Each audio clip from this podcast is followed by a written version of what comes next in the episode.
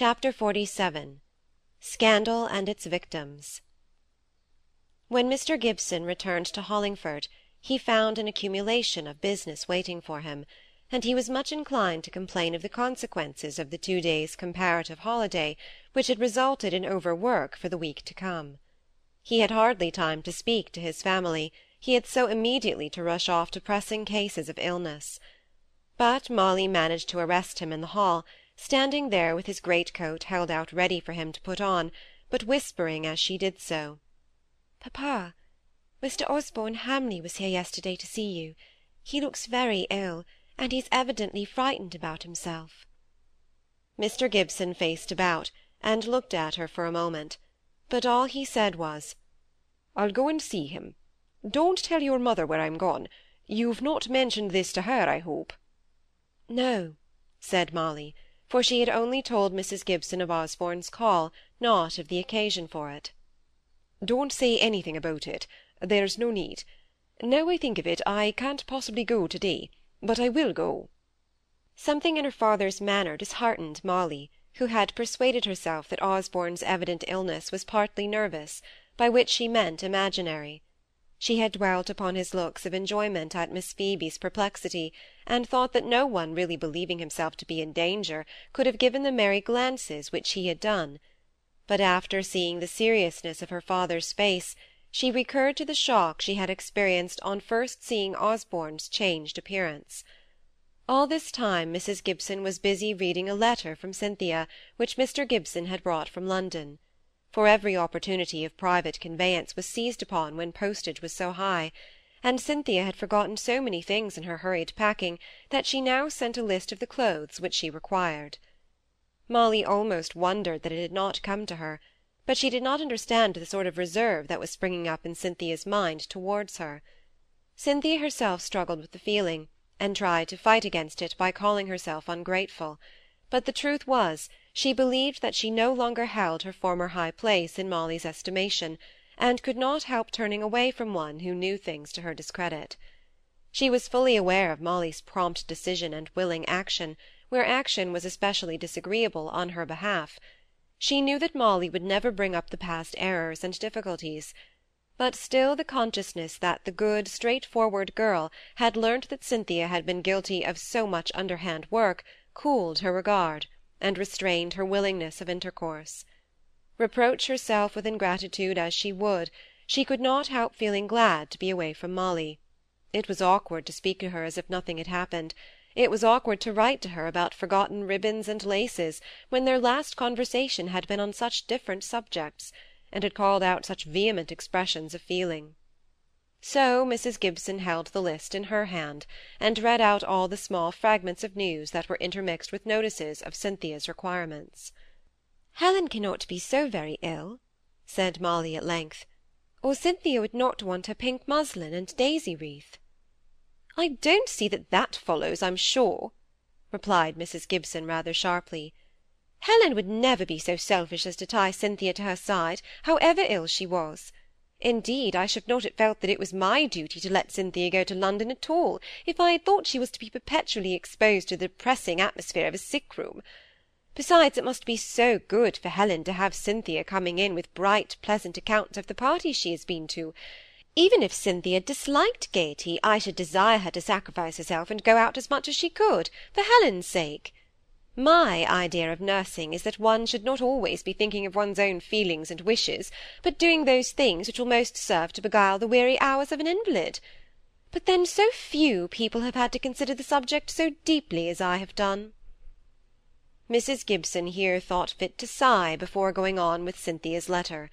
As far as Molly could make any sense out of this rather incoherent epistle, very incoherently read aloud to her, Cynthia was really pleased, and glad to be of use and comfort to Helen, but at the same time very ready to be easily persuaded into the perpetual small gaieties which abounded in her uncle's house in London, even at this dead season of the year. Mrs. Gibson came upon Mr. Henderson's name once, and then went on with a running mm mm mm to herself, which sounded very mysterious, but which might as well have been omitted, as all that Cynthia really said about him was Mr. Henderson's mother has advised my aunt to consult a certain Dr. Donaldson, who is said to be very clever in such cases as Helen's, but my uncle is not sufficiently sure of the professional etiquette, etc. Then there came a very affectionate, carefully worded message to Molly, implying a good deal more than was said of loving gratitude for the trouble she had taken on Cynthia's behalf. And that was all; and Molly went away a little depressed, she knew not why.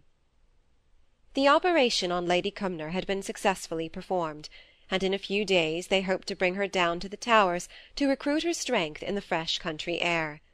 The case was one which interested Mr. Gibson extremely, and in which his opinion had been proved to be right, in opposition to that of one or two great names in London. The consequence was that he was frequently consulted and referred to during the process of her recovery and as he had much to do in the immediate circle of his Hollingford practice, as well as to write thoughtful letters to his medical brethren in London, he found it difficult to spare three or four hours necessary to go over to Hamley to see Osborne.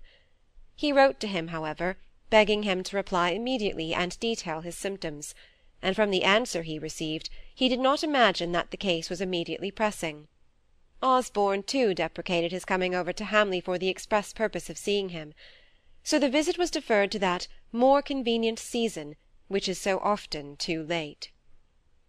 All these days the buzzing gossip about Molly's meetings with Mr. Preston, her clandestine correspondence, the secret interviews in lonely places, had been gathering strength, and assuming the positive form of scandal. The simple, innocent girl, who walked through the quiet streets without a thought of being the object of mysterious implications, became for a time the unconscious black sheep of the town. Servants heard part of what was said in their mistresses' drawing rooms, and exaggerated the sayings amongst themselves with the coarse strengthening of expression common with uneducated people. Mr. Preston himself became aware that her name was being coupled with his, though hardly to the extent to which the love of excitement and gossip had carried people's speeches. He chuckled over the mistake, but took no pains to correct it. "It serves her right," he said to himself, for meddling with other folks' business. And he felt himself avenged for the discomfiture which her menace of appealing to Lady Harriet had caused him, and the mortification he had experienced in learning from her plain speaking lips how he had been talked over by Cynthia and herself, with personal dislike on one side and evident contempt on the other. Besides, if any denial of Mr. Preston's stirred up an examination as to the real truth, more might come out of his baffled endeavours to compel Cynthia to keep to her engagement to him than he cared to have known. He was angry with himself for still loving Cynthia, loving her in his own fashion, be it understood. He told himself that many a woman of more position and wealth would be glad enough to have him, some of them pretty women too; and he asked himself why he was such a confounded fool as to go on hankering after a penniless girl who was as fickle as the wind. The answer was silly enough, logically, but forcible in fact. Cynthia was Cynthia, and not Venus herself could have been her substitute. In this one thing Mr. Preston was more really true than most worthy men, who, seeking to be married, turn with careless facility from the unattainable to the attainable, and keep their feelings and fancy tolerably loose till they find a woman who consents to be their wife. But no one would ever be to Mr. Preston what Cynthia had been and was and yet he could have stabbed her in certain of his moods. So Molly, who had come between him and the object of his desire, was not likely to find favour in his sight, or to obtain friendly actions from him. There came a time, not very distant from the evening at Mrs. Dawes, when Molly felt that people looked askance at her. Mrs. Goodenough openly pulled her granddaughter away when the young girl stopped to speak to Molly in the street, and an engagement which the two had made for a long walk together was cut very short by a very trumpery excuse. Mrs. Goodenough explained her conduct in the following manner to some of her friends. You see, I don't think the worse of a girl for meeting her sweetheart here and there and everywhere, till she gets talked about. But then, when she does, and Molly Gibson's name is in everybody's mouth, I think it's only fair to Bessy, who has trusted me with Annabella, not to let her daughter be seen with a lass who has managed her matter so badly as to set folk talking about her. My maxim is this, and it's a very good working one, you may depend on it. Women should mind what they're about, and never be talked of; and if a woman's talked of, the less her friends have to do with her till the talk has died away the better. So Annabella is not to have anything to do with Molly Gibson, this visit at any rate. For a good while the Miss Brownings were kept in ignorance of the evil tongues that whispered hard words about Molly. Miss Browning was known to have a temper, and by instinct every one who came in contact with her shrank from irritating that temper by uttering the slightest syllable against the smallest of those creatures over whom she spread the aegis of her love. She would and did reproach them herself, she used to boast that she never spared them, but no one else might touch them with the slightest slur of a passing word. But Miss Phoebe inspired no such terror. The great reason why she did not hear of the gossip against Molly as early as any one, was that, although she was not the Rose, she lived near the Rose. Besides, she was of so tender a nature that even thick-skinned Mrs. Goodenough was unwilling to say what would give Miss Phoebe pain, and it was the new-comer, Mrs. Dawes, who in all ignorance alluded to the town's talk as to something of which Miss Phoebe must be aware. Then Miss Phoebe poured down her questions, although she protested, even with tears, her total disbelief in all the answers she perceived. It was a small act of heroism on her part to keep all that she then learnt a secret from her sister Dorothy, as she did for four or five days, till Miss Browning attacked her one evening with the following speech. "Phoebe, either you've some reason for puffing yourself out with sighs, or you've not. If you have a reason, it's your duty to tell it me directly, and if you haven't a reason, you must break yourself of a bad habit that is growing upon you." "Oh, sister, do you really think it is my duty to tell you? It would be such a comfort, but then I thought I ought not, it will distress you so." "Nonsense! I am so well prepared for misfortune by the frequent contemplation of its possibility, that I believe I can receive any ill news with apparent equanimity and real resignation.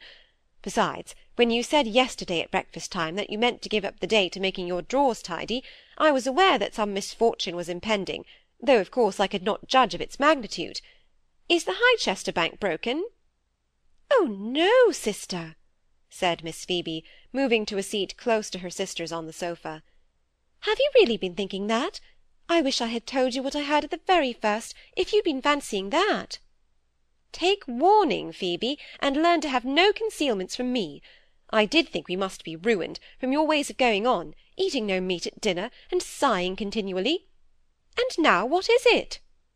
"I hardly know how to tell you, Dorothy, I really don't." Miss Phoebe began to cry. Miss Browning took hold of her arm and gave her a little sharp shake. "Cry as much as you like when you've told me, but don't cry now, child, when you're keeping me on the tenterhooks. Molly Gibson has lost her character, sister, that's it." "Molly Gibson has done no such thing," said Miss Browning, indignantly. "How dare you repeat such stories about poor Mary's child? Never let me hear you say such things again." "I can't help it. Mrs. Dawes told me, and she says it's all over the town. I told her I did not believe a word of it, and I kept it from you, and I think I should have been really ill if I'd kept it to myself any longer. Oh, sister! What are you going to do?" For Miss Browning had risen without speaking a word, and was leaving the room in a stately and determined fashion. "I'm going to put on my bonnet and things, and then I shall call upon Mrs. Dawes, and confront her with her lies." "Oh, don't call them lies, sister! It's such a strong, ugly word. Please call them tally-diddles, for I don't believe she meant any harm. Besides, besides, if they should turn out to be truth! Really, sister, that's the weight on my mind. So many things sounded as if they might be true." "What things?" said Miss Browning, still standing with judicial erectness of position in the middle of the floor. "Why, one story was that Molly had given him a letter." "Who's him? How am I to understand a story told in that silly way?" Miss Browning sat down on the nearest chair, and made up her mind to be patient if she could. Him is Mr. Preston, and that must be true, because I missed her from my side when I wanted to ask her if she thought blue would look green by candlelight, as the young man said it would, and she had run across the street, and Mrs. Goodenough was just going into the shop, just as she said she was. Miss Browning's distress was overcoming her anger, so she only said, Phoebe, I think you'll drive me mad. Do tell me what you heard from Mrs. Dawes in a sensible and coherent manner for once in your life. I'm sure I'm trying with all my might to tell you everything, just as it happened. What did you hear from Mrs. Dawes? Why, that Molly and Mr. Preston were keeping company, just as if she was a maid-servant and he was a gardener, meeting at all sorts of improper times and places, and fainting away in his arms, and out at night together, and writing to each other, and slipping their letters into each other's hands, and that was what I was talking about, sister, for I next door to saw that done once. I saw her with my own eyes run across the street to Grinstead's, where he was, for we had just left him there, with a letter in her hand too, which was not there when she first came back all fluttered and blushing. But I never thought anything of it at the time. But now all the town is talking about it and crying shame, and saying they ought to be married. Miss Phoebe sank into sobbing again, but was suddenly roused by a good box on her ear. Miss Browning was standing over her, almost trembling with passion. Phoebe, if I ever hear you say such things again, I'll turn you out of the house that minute. I only said what Mrs. Dawes said, and you asked me what it was, replied Miss Phoebe, humbly and meekly. Dorothy, you should not have done that. Never mind whether I should or shouldn't. That's not the matter in hand. What I've got to decide is, how to put a stop to all these lies. But, Dorothy, they are not all lies, if you will call them so. I'm afraid some things are true, though I stuck to their being false when Mrs. Dawes told me of them. If I go to Mrs. Dawes, and she repeats them to me, I shall slap her face or box her ears, I'm afraid, for I couldn't stand tales being told of poor Mary's daughter, as if they were just a stirring piece of news like James Horrocks' pig with two heads, said Miss Browning, meditating aloud. That would do harm instead of good. Phoebe, I'm really sorry I boxed your ears, only I should do it again if you said the same things. Phoebe sat down by her sister, and took hold of one of her withered hands, and began caressing it, which was her way of accepting her sister's expression of regret. If I speak to Molly, the child will deny it, if she's half as good for nothing as they say, and if she's not, she'll only worry herself to death. No, that won't do.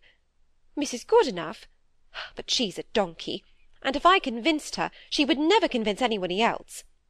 No, Mrs. Dawes, who told you, shall tell me, and I'll tie my hands together inside my muff, and bind myself over to keep the peace. And when I've heard what is to be heard, I'll put the matter into Mr. Gibson's hands, that's what I'll do. So it's no use your saying anything against it, Phoebe, for I shan't attend to you.